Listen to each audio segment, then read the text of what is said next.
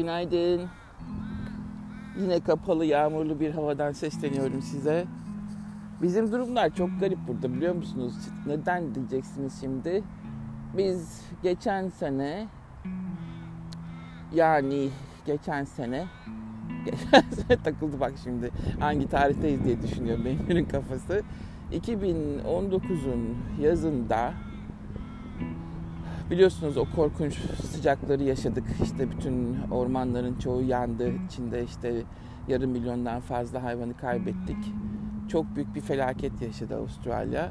Korkunç bir sıcaklıktı o yaz. 2019 yazı korkunçtu. Ee, sonra 2020'ye girdik.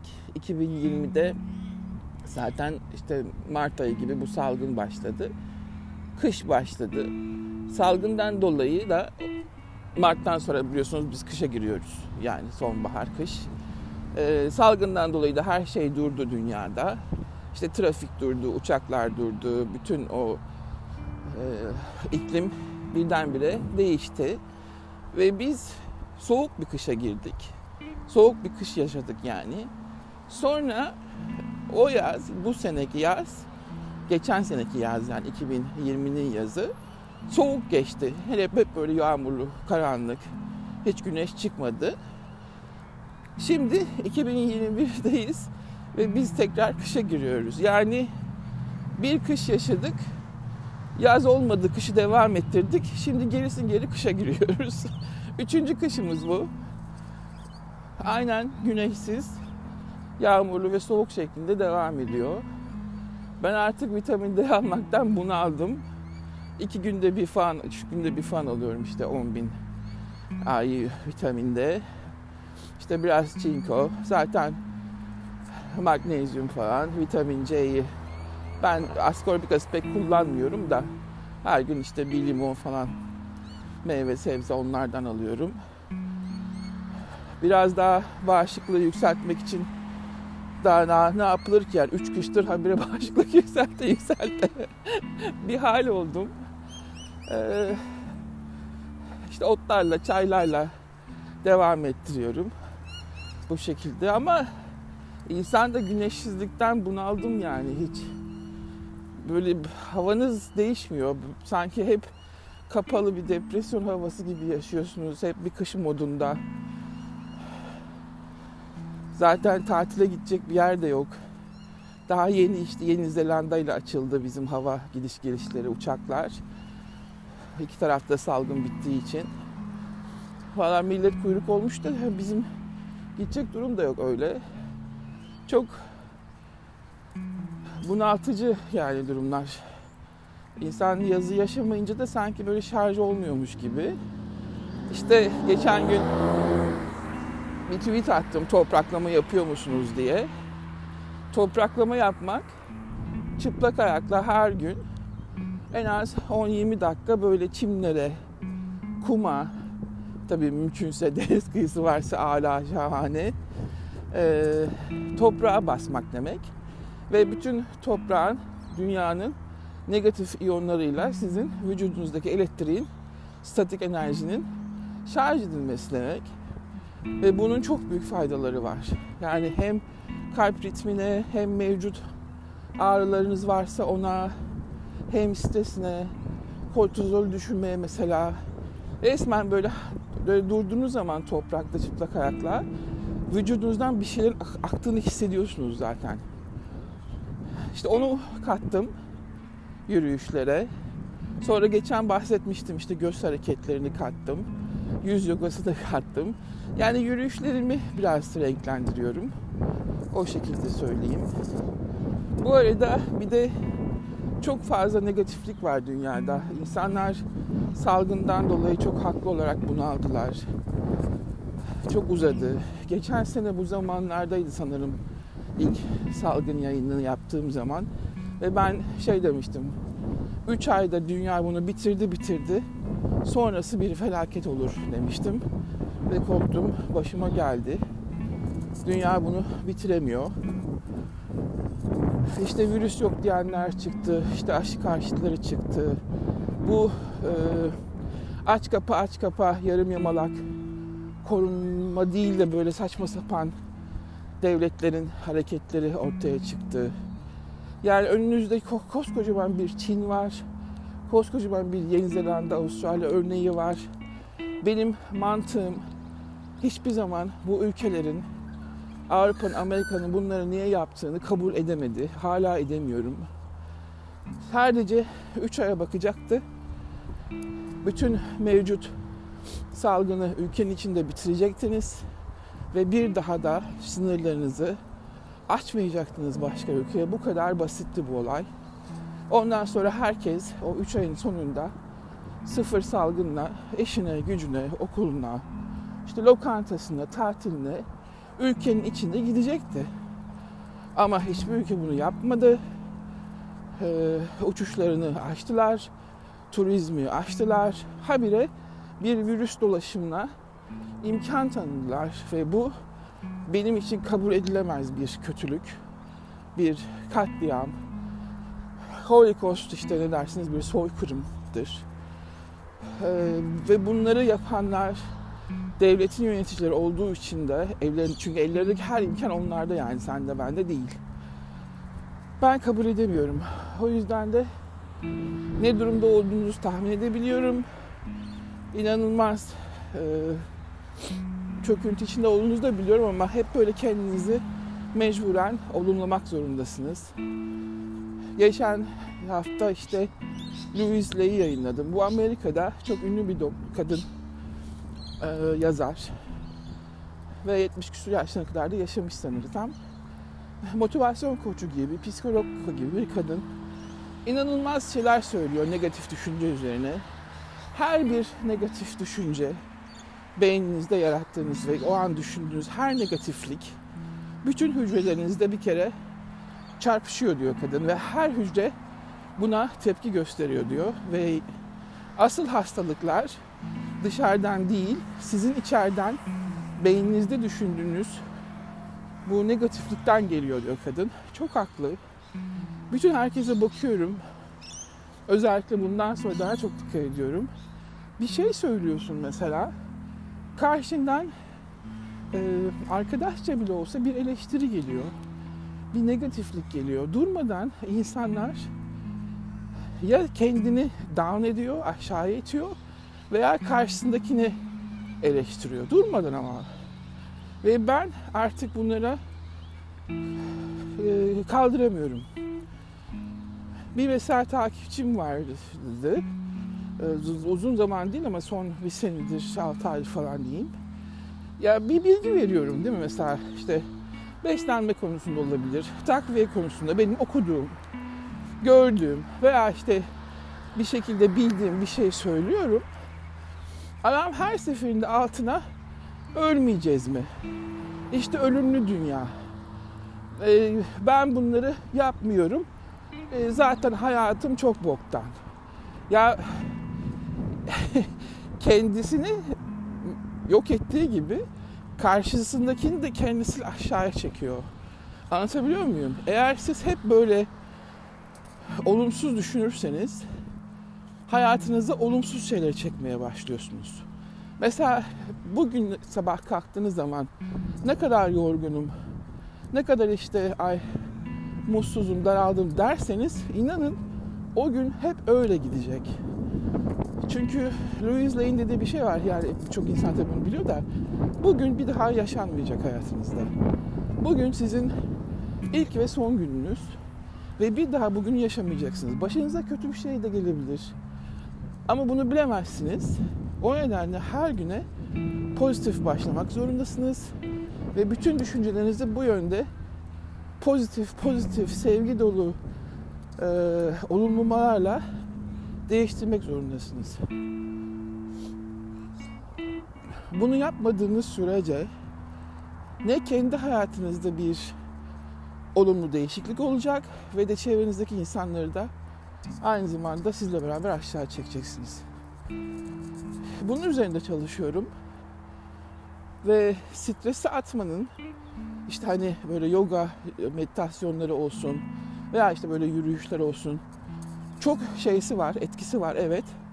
Ama beyninizdeki her düşünceyi biz kendimiz seçiyoruz. Yani kimse beynimize girip de şu an bunu düşüneceğim demiyor. Veya şunu yapacaksın demiyor. Biz kendimiz negatif düşünceyi biz seçiyoruz. Bunu da tek önleyecek kişi biziz. Lütfen kimseyi eleştirmeyin. Kimsenin mesela ben tabii çok kızıyorum hani iktidarlara, e, yönetimdeki insanlara. Onları ayrı tutuyorum ama onlara bile nefret kusmak aslında bizi kötüleştiriyor ya. Onlar gibi yapıyor yani. Karanlık insanların karanlığına giriyoruz. Yani böyle bir şey gibi düşünün. E, aura gibi düşünün. Onun karanlık dünyasına adım atıyoruz. Ve korkunç bir şey bu. Şeytanla hani farazi anlamda şeytan yoksa benim inancımdan yok öyle bir şey de şeytanla aynı yatağa biz giriyoruz. Ve o bunu istiyor zaten. O sizin daha çok down olmanızı, daha çok kötü olmanızı istiyor ve kendi karanlığını size bu şekilde yayıyor. Lütfen kendinize bir bahçe yaratın. Ben böyle mesela düşündüğüm zaman benim bahçemde yeşillik var. Ondan sonra çok güzel çiçekler var her taraf. Pırıl pırıl bir güneş. Böyle akan sular var. Böyle bir dünya yaratıp o dünyada kalmanızı istiyorum ve bu dünyada çevrenizde yakınan, size işte negatif şeyler söyleyen, asık suratlı insanları kabul etmeyin. Onlardan uzaklaşmak zorundasınız. Bu hayat pişmanlıklarla, yakınmalarla geçmiyor. Geçmemesi lazım. Hayatınızı kısıtlıyorsunuz, hayatınızı kısaltıyorsunuz. Elinizde olan tek özgür şey sizin kendi kurduğunuz bu küçük bahçe dünyaya sahip olmanız. Bunu sizden kimse alamaz. Ve hayal ettikçe aslında beyin o dünyada yaşamaya başlıyor. Yani ister kötü karanlık bir dünya kurarsınız, ister aydınlık, mutluluk, neşe dolu bir dünya kurarsınız. Bunun seçimi size ait. Mesela kadın diyor ki Yüzley, her gün diyor yürüdüğüm zaman içimden ben şey derim diyor. Ben çok güzelim, çok mutluyum, kendimi olduğum gibi kabul ediyorum. Tekrarlarım bunu diyor. Bakarım ki diyor etrafından insanlar beni duymadığı halde bana gülümsüyorlar. Çünkü bütün hücreleri buna inandığı için çevresinde de o vibe, e, titreşimi yayıyor, pozitifliği yayıyor. Biz bunu e, insanın yetersizliği yüzünden fark edemiyoruz ama bizim çevremizde renklerimiz var. Bu renkleri, aurayı iyi güzel renklere çevirdiğiniz zaman bunu karşı taraftan da görülüyor, hissediliyor yani. Ama eğer karanlığa çevirirsek karşıdan da olumsuz hissediliyor. Yani anlatabiliyor muyum? Mesela kötü insanları hissedersiniz ya. Evet hissediyoruz ve biz bunları işte insanları iyi tanımak diyoruz belki. Ama aslında belki bu o kötü enerjiyi hissetmemizden dolayı. İşte bunun üzerine çalışıyorum. Biraz böyle kafamı boşaltıp bütün her şeyden yani çok sorgulamadan ne olduğunu, ne bittiğini, bugünün güzelliğini yaşayıp şimdi mesela diyorum ki evet hava kapalı, depresif bir hava var. Ama aslında çok güzel diyelim ki atıyorum nefis bir koku var. Çimlerden gelen bir işte e, çok fazla oksijen var. E, ne diyeyim? Sağlıklı olarak atıyorum tuvalete çıktığım için de mutluyum. Sabah hafif kalktığım için de mutluyum. Birçok ufak tefek şey bulabilirim yani sebep. Bunu böyle almak lazım ve bugünü rahatlığa bırakmak lazım yaşarken. Ve negatif insanları da işte o takipçim gibi. Yani dedim ki bak en sonunda sen benim her şeyime negatif cevap veriyorsun ve beni takip etmenin bir anlamı olduğunu düşünmüyorum. Çünkü ben sana ulaşamıyorum. Benim bilgilerimi kullanmak istemiyorsun. Uygulamak da istemiyorsun ve bunu da imkansızlığına bağlıyorsun. Belki bunun kızgınlığı sebebiyle de bana bunu yansıtıyorsun. sen kendi dedim mutsuzluğunda yaşamaya devam et. Ama ben seni istemiyorum yani sayfamda. Ve blokladım adamı. Çünkü kendi yarattığı o mutsuz hayatı başkasına kusmaya başlıyor artık. Ama bunun suçu ben değilim ki. Yani ben senin hayatında kötü bir şey yapmadım. Ben seni hiç tanımıyorum. Ee, benim hiçbir etkim olmadı senin böyle bir hayatı yaşamanda.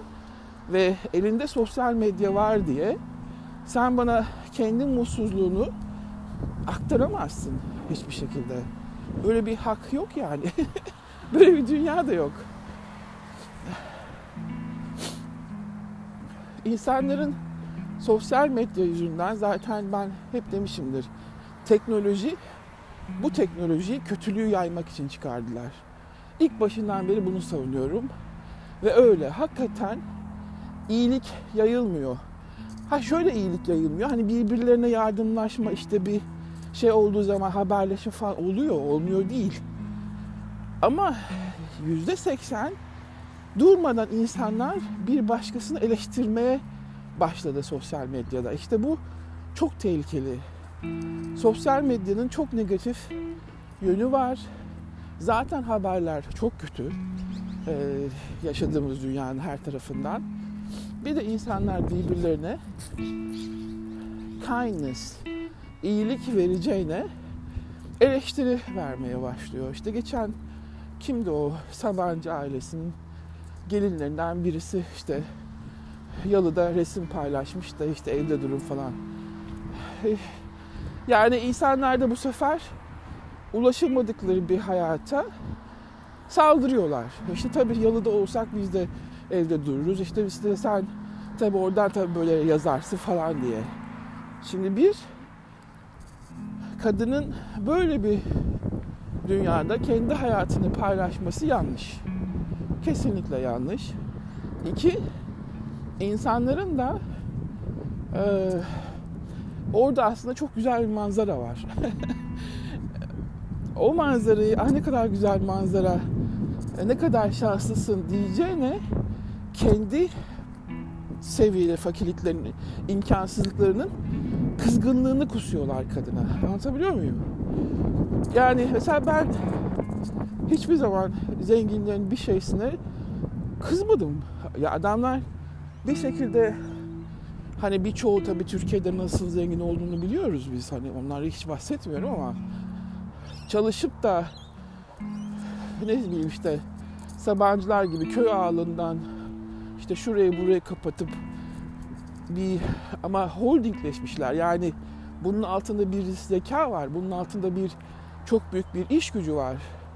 Yani hiçbir köy ağası bugün onlar gibi olmadı değil mi? Yani bir şeyleri anlatamıyorum ama değer vermeniz gerekiyor. Yani bir zenginin nasıl zengin olduğuna bakıp oralara gelirken e, kaçakçılık mı yapmış, işte mafya babalığı mı yapmış, insanları mı satmış, çok kötü suç şeylerine karışmadığı sürece işte uyuşturucu satmak, silah kaçakçılığı falan eğer fabrikalar açarak insanlara iş vererek, ekmek vererek binlerce çalışanlarını oluşturduğu bir tablo varsa ortada buna kızılmaz yani.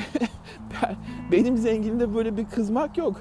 Ben o zaman mesela Richard Branson'ın gidip de işte bilmem ne uçak filosuna niye kızayım? Adam bir şeyi bir marka yaratıyor ve o markayı geliştirebiliyor. Yani bir zeka var ortada, bir yetenek var. Ama Richard Branson gidiyormuş, atıyorum e, Fransa başkanıyla yemek yiyormuş. Bu beni ilgilendirmiyor. O adamın yarattığı o iş kolu başka insanlara ekmek kapısı olması tarafı beni ilgilendiriyor. Ama mesela aynı şeyi kardeş yanlar için söyleyemiyorum. Anlatabiliyor muyum? Mesela onların zenginliği tamamıyla bir balon ve kitlelerin kendilerine olan o fanlık derecesindeki beğeniden ortaya çıkan boş bir zenginlik. Görgüsüzce yani. Mesela onu, onu kesinlikle kabul etmiyorum. Ama Richard Branson olsun, atıyorum Bill Gates olsun bilmem ne. Bu insanlarda farklı bir şey var. bir zeka var, bir yetenek var. İşte ben onu appreciation takdir ediyorum. Anlatabiliyor muyum? Yani ve onların yaşadığı hayatta beni kıskandırmıyor. Çünkü eğer dünyada devletler olsaydı gerçek anlamda insanları düşünen zaten bir insana trilyon dolarlık işte bilyon dolarlık milyar dolarlıklar zenginlik vermezlerdi. Yani benim insanlık anlayışım böyle. Ben eğer bir devletin başında olsaydım kimsenin atıyorum senelik 10 milyon dolardan fazla olan kazancına komünist şekilde el koyardı. İzin vermezdim ki. Çünkü derdim ki sen bir kişi elinde bu kadar harcayamayacağın bir zenginliği bulundurmak eh, waste yani boş atık. Bunu benim diğer vatandaşlarla paylaşman lazım. Onun da yolu sana şunları şunları yap. İşte e, bu yardımları yapacaksın.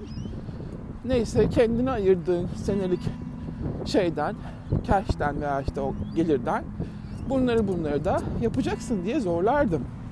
Ha o zaman ülkede zengin kalmazdı diyeceksiniz. Valla o zaman devlet eliyle birçok şey yapacaksınız ki siz vatandaşlarınıza iş sağlayacaksınız, onları kalkındıracaksınız değil mi? Yani özel her şeyi özelleştirirseniz bir grup insanı zengin ediyorsunuz ama bütün elemanlarınızı siz yetiştirip çok iyi eğitimler verip siz devlet kurumları kurarsanız o zaman bütün vatandaşlarınıza eşit gelir sağlıyorsunuz. Yani bizim eski şeyimiz böyleydi. 80'lere kadar yaşandığımız bu şekildeydi. Çok insanların insanlıktan çıktığı dönemlerde yaşıyoruz. O yüzden o kadar çok zenginler zenginledi ki uçurum çok fazlalaştı ve yoksul olanlar feci durumdalar yani. Onlara da eğitemiyoruz. Cehaletlerini aşamıyoruz. Çünkü ortada korkunç bir din var. Yani din olayı hepsinden bahsediyorum tüm dinlerden. Ve durmadan yoksullukta sürünürken ürüyorlar. Yani habire bir hayvan gibi bilinçsizce doğumlar devam ediyor. Adam aç, işsiz, evi kira, çocuğum 3 aylık diyor ya. Ya sen neye dayanarak bir çocuk yapma hakkını kendine buluyorsun? Evin yok, bir çatın yok, bir işin, bir eğitimin, bir gelirin düzenli bir şeyin yok. Bir toprağın bile yok ekip hani kendi başına yiyebileceğin. Sen neyine güvenerek çocuk yapma hakkını kendine buluyorsun? Aynı o zenginin kendisine işte trilyon dolar alma hakkını bulduğu gibi ikisi de yanlış. İkisi de toplumu sömürüyorlar. Yani ben o nedenle yoksullara da acımıyorum. Zenginlere de acımıyorum. Çünkü her ikisi de aslında toplumu soyuyor ve ikisi de toplum hırsızı benim gözümde. Biri parayı çok fazlasıyla kendine pay ediyor, hak ediyor. Öteki bir çocuk yaparak başka çocukların geleceğini, eğitimini, düzgün eğitimini ve iş hakkını çalıyor. Ve iki çocuk birden bu sefer hem kendi çocuğu sefil oluyor hem bir başkasının hakkını çaldığı için o diğer çocuk da sefil oluyor. Büyük şeyler bunlar. Tartışmalar belki ama insanlar bunları konuşamıyor. İşte abuk subuk gündemlerle televizyonlardayız. Yani ben hep diyorum ya demokrasi istemeyin. Meritokrasi isteyin. Meritokraside e, merite bakılır, e, liyakata bakılır. Bir insanın o işe girmesi, o tecrübesi, uzmanlığına bakılır. Ve o yüzden de cahilliyetler, cahil insanlar demokraside seçme, seçme, seçilme hakkı kazanırken meritokrasi olsaydı eğer hiçbiri e, seçilemeyeceklerdi. Çünkü hiçbirinin bir liyakati yok. Anlatabiliyor muyum? Yani demokrasi kadar kötü bir Ee, bizim için kötü. Yani bu zenginler için tabii ki çok iyi. kötü bir seçim şeysi yok sistemi. Yönetim sistemi diyeyim. Korkunç bir dünyadayız. Yani feci durumdayız. Bunun işin içinden biz kendimiz çıkamayız. Ben o yüzden kendi dünyanızı kendi içinizde güzelleştirip o dünyaya kapanmanızı istiyorum. Kendi güzel dünyanızda ve olumlu şeyler düşünerek, olumlu şeyler böyle kendinize gün içinde yüksek sesle tekrarlayarak. Atıyorum işte bugün adım Elif olsun. İşte Elif ben çok güzelsin Elif. Harika bir gün geçireceksin diyerek, başlayarak güne. Çünkü yüksek sesle olduğu zaman beyin çok daha iyi anlıyor. Sen bugün çok sağlıklısın. Ee, nefis işte bir hayatım var. yani bunu söyledikçe beyin zaten o tarafa akıyor anlatabiliyor muyum? Yani gerçek olmasa bile. Önemli değil. Siz hep iyi şeyler verin. Güzel şeyler söyleyin.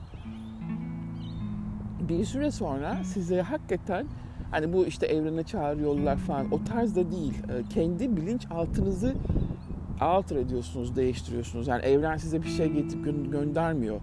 Siz kendi auranızı değiştiriyorsunuz, kendi ışıklarınızın renklerini değiştiriyorsunuz, kendi enerjinizi güzelleştiriyorsunuz ve bu enerji sayesinde sahip olduğunuz güç aslında bir bakıma kendi kendinizi yaratıyorsunuz. Onu söyleyeyim. Ha, yani kendi tanrınız oluyorsunuz. Kendinizi yarattığınız zaman olumlu bir insan yaratırsanız eğer daha çok sevgi dolu, daha böyle anlayışlı, hoşgörülü bir insan yaratırsanız kendinizi bu çevrenizi de etkilemeye başlıyor bir süre sonra ve daha güzel şeyler size dönmeye başlıyor. Aslında olay bu. Yoksa evren duyup da size bir şeyler yollamıyor. Siz kendinizi bir çamur gibi düşünün ve çok güzel bir vazo yaptığınızı düşünün kendinizden. Çok şık. Siz onu eğip büküyorsunuz, düzeltiyorsunuz. Siz kendinizi düzeltiyorsunuz. Bunun farkındalığın olmak, buna başlamak birçok insan için belki saçmalık gibi gelebilir ama bir deneyin bence. Çok çok değişik yani. Bugün herkes yürüyüşe çıkmış. Çevremde bir sürü kadın var. Bunlar önceden yoktu. Nereye, nasıl geldiler? Şimdi anlamadım. Niye geldiler? ben burada yalnız olmayı seviyorum. Ne bileyim işte ya. Sonra dün bir şey gördüm. Çok da bir işsizlikten, evine ekmek götürememekten falan bahseden birisi vardı yine.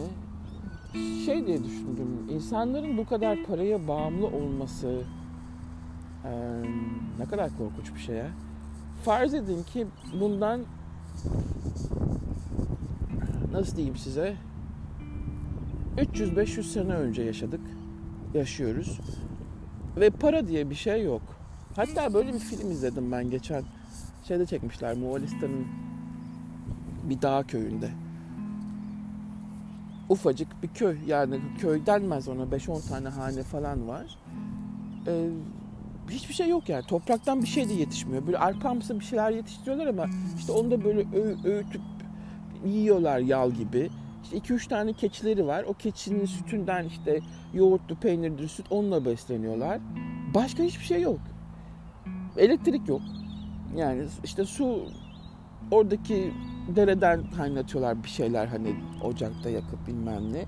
Tamamıyla eski tarımı düşünün. Yani eskiden insanların parasız olarak böyle işte faturalara boğulmadan önce işte elektrikte, internette, işte televizyondu, e, çamaşır makinesi, suydu, muydu, buzdolabıydı hiçbir şey olanakların olmadığı zamanları düşünün bu insanlar nasıl hayatta kalıyordu diye düşünün. Belki de hayatta kalmıyorlardı diyeceksiniz. Belki de uzun ömürlü değiller diyeceksiniz ama sanki burada bir yerde insanlar bir şey kaybetti. Yani çok fazla paraya bağımlı olmak insanın normalde hayatta kalma içgüdüsünü sanırım yok etti.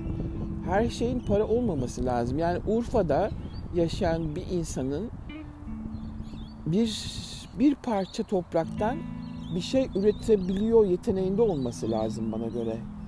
Onu bir değere dönüştürüp tekrar üretime başlaması gerekiyor. Ben öyle hissediyorum ve insanların tamamıyla böyle işte iş iş kovuldum, işsiz kaldım. Şimdi faturaları kim ödeyecek? Şimdi ben nasıl yaşayacağım paniğine sokup daha da yok ettiklerini hissediyorum. Bu çemberden nasıl çıkacaklarını düşündükçe de doğaya açılmak gerek. Yani her şeyinizi bırakıp evet bütün evinizin kirasını, eşyalarını, kıyafetlerinizi neyiniz varsa olmayabilir de her şeyi bırakıp bir çadırla gidip bir sahile oturmak veya bir dağda yaşamak inanın çok daha iyi. Ee, en azından etraftaki belki işte çiftlik varsa oralara tok, karın tokluğuna yardım edebilirsiniz. Belki siz bir şey üretebilirsiniz. Bilmiyorum yani gidip meyve toplayıp onları yersiniz.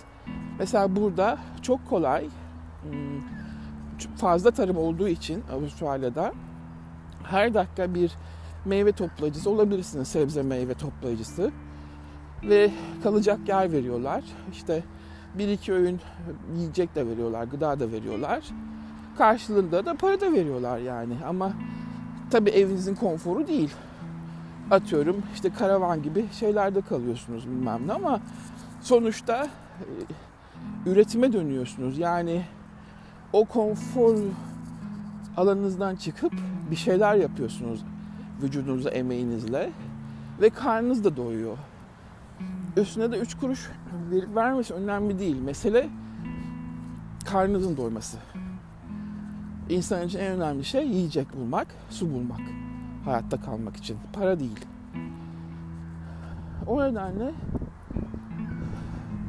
biraz yaratıcı olmak lazım. Biraz üretime dönmek lazım.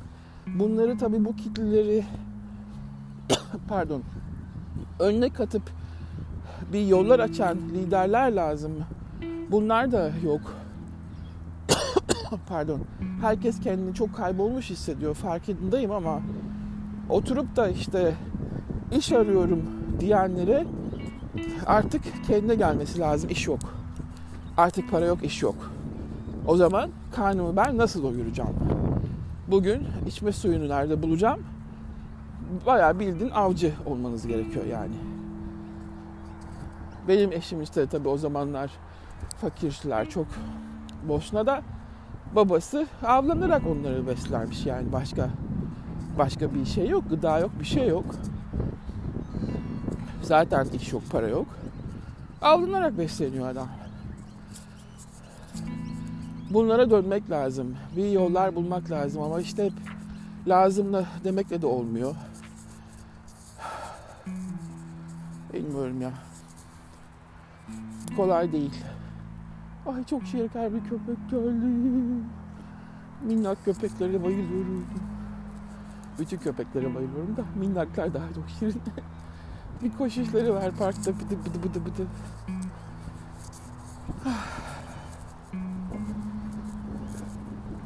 Bugün ne konuştuğumu ben de bilmiyorum değil mi? Ama bütün imkanları elinde olanların yöneticilerin de hakikaten kötü insanlar çıkması ne büyük şanssızlıktır ya. İnanamıyorum yani. Hiçbir biriniz iyi olmadınız hayatta ya. Hakikaten ya. Bu, bu nasıl bir kötülüktür, dayanışmadır? Nasıl bir çeteleşmedir?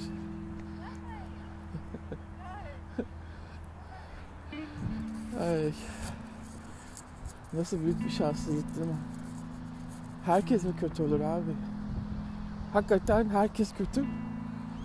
Kimi tutsam evinde kalıyor. Kime baksam kötülük yağıyor.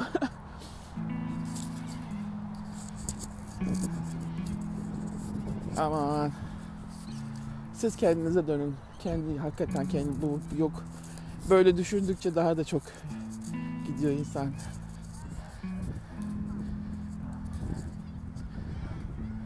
Köpeği izliyorum da bir yandan şaşkaloz oldu parkta. Ay çok minik ya. Ah arkadaşlar. Keşke burada olsaydınız da. Ya şu Twitter'da şeyi de açmadı. Space bilmem nesinin toplu konuşma yapacaktık hani. Oturup konuşacaktık beraber. Hala gelmedi bana. Toplantı şeysi açamıyorum chatroom'unu yani. Onu açsa Biraz böyle değil sizle orada toplu konuşacağım da açamıyorum. Böyle tek başına da hani sadece duvarla tenis oynamak gibi. Topu atıyorum geri bana geliyor. Topu atıyorum geri bana geliyor. Hep hep ben hep bende hoş değil yani. Çünkü insanlar konuştukça fikirler de değişiyor veya farklı yönlerini görüyorsunuz sizin fark etmediğiniz şeyleri. Ne bileyim ya gelmedi. Gelince açacağım.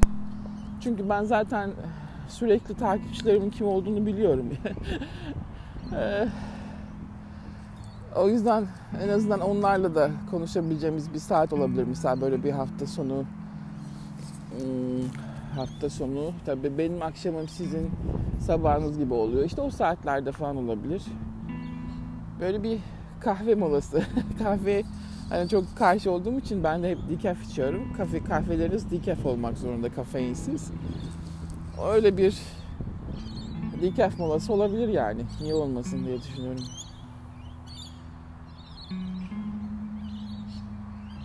Ben çok tabi hareketli işlerde çalıştığım için hep böyle işte turizmdeyken çok farklı insanlarla ve çok insanla şey kurduğunuz için, ilişki kurduğunuz için çok fazla artık insanları özlemiyorum zaten. Yani doymuşum tabii hepsine bütün her şeyi yaşayınca. 20 küsür sene boyunca az değil. Öyle olunca konuşmak da istiyorsunuz bir yandan ama konuşmasam da oluyor. Yani ne bileyim ben garip bir şey. Mesela işte bu hapishaneden yeni çıktı buradaki arkadaşım. Sen diyor sıkılmıyor musun? Ya dedim bizim de hep tartışmalarımız da oydu. İşte bu hep hep bir arkadaşlarına gider, hep bir arkadaşlarıyla gelir işte gün içinde evde duramaz işte arabasını atlar gider arkadaşlarıyla falan gezer bilmem ne. Bana daha bile sen sıkılmıyorsun, sen sıkılmıyorsun. E sonuçta ne oldu? O hapse girdi. Yani ne bileyim ben hani çok gezen tavuğun ayağında bok bulaşır ya onun gibi bir şey.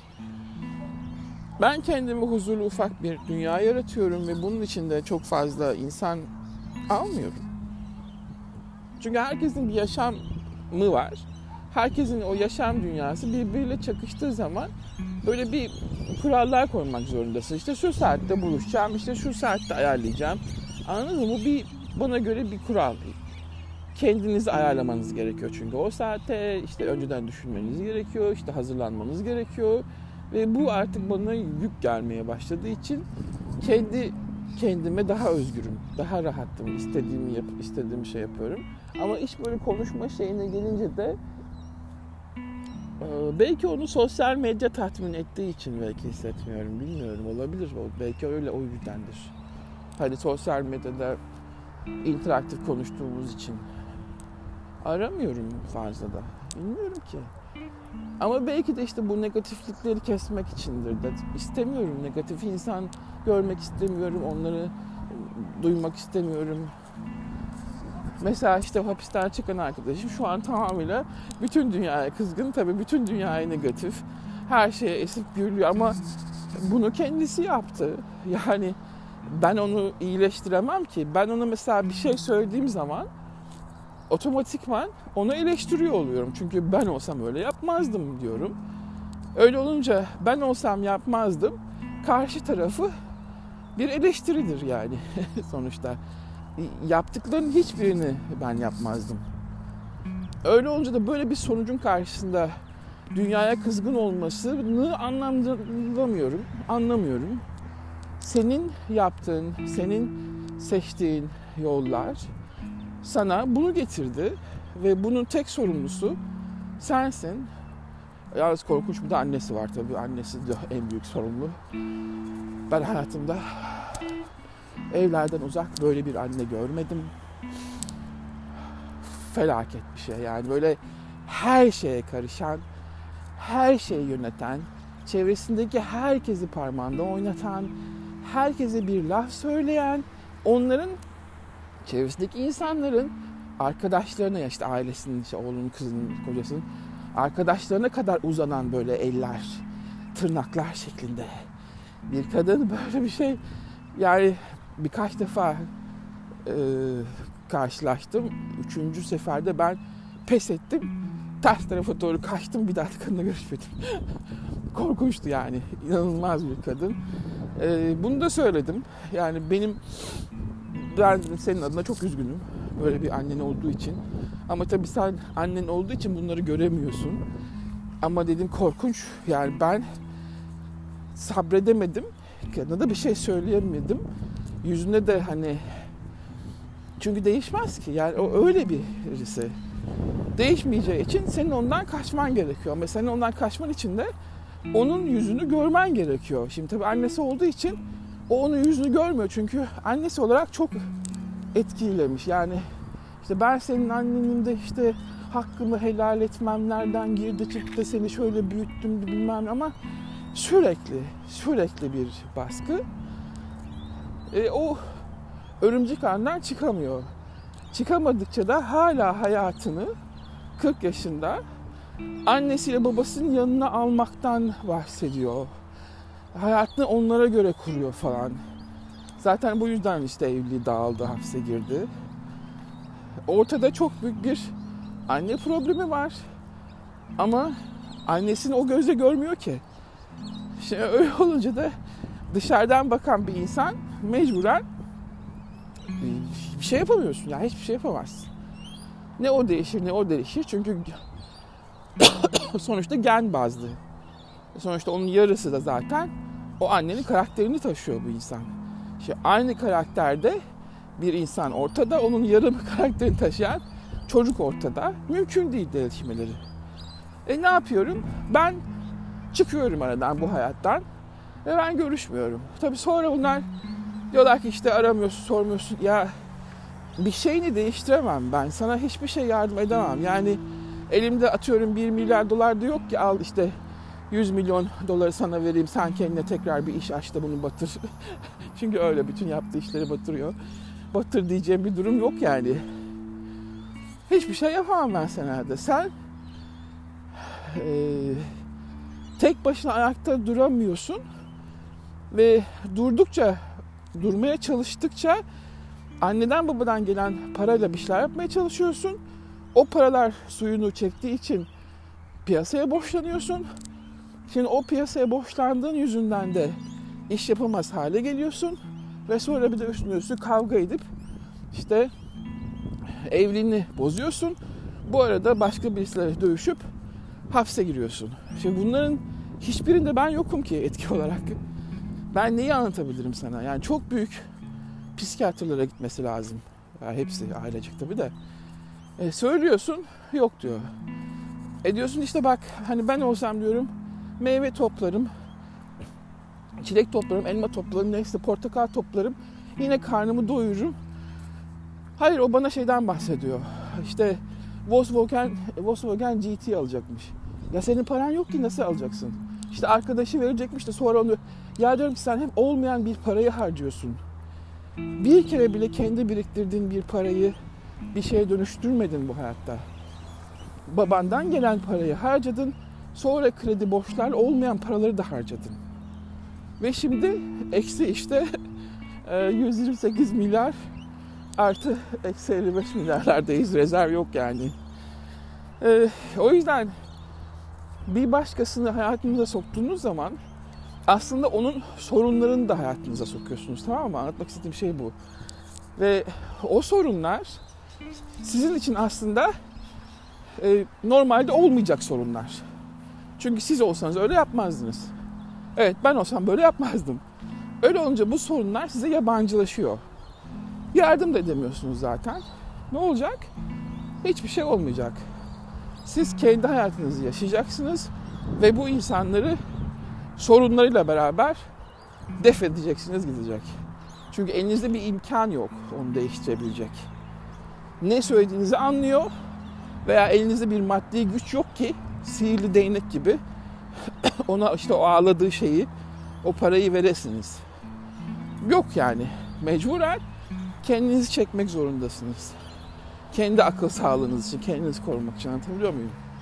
Şimdi ben ne o anneyle görüşürüm, ne annenin çocuğu, benim işte e, ahçılıkta okulda arkadaşım olduğundan beri hani sık görüşmesek de hayatını bildiğim insanla görüşürüm.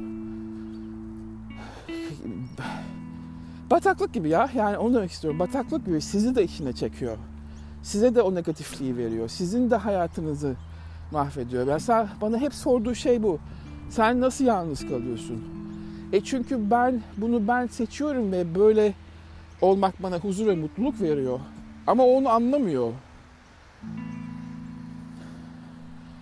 Benim iki tane işte neyse oturacağım bir şey varsa, evim varsa, iki de lokmam varsa ben bunun üstünü aramıyorum. O 20'li yaşlardaydı bir arayış işte daha çok para kazanabilir miyim bilmem ne falan. Artık bundan sonra bu yaştan sonra sadece bir konfordayım yani o kadar. Onun ötesinde macerayla benim işim yok. Ben o yaşları geçmişim. Kendi zevklerimle uğraşıyorum. Bunun içinde insanlar yokmuş. E ne yapabilirim? Ne yapabilirim yani?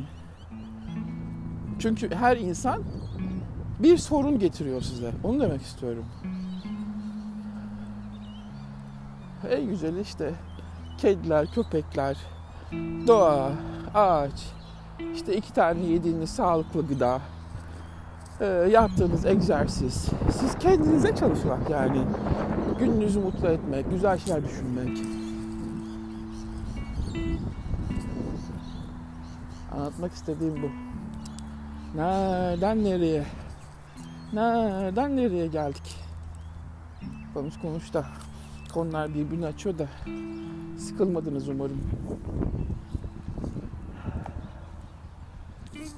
Kısacası olumsuz her şeyi hayattan çıkarıyorsunuz ve olumlu düşünüyorsunuz. Her gün kendinizi seviyorsunuz.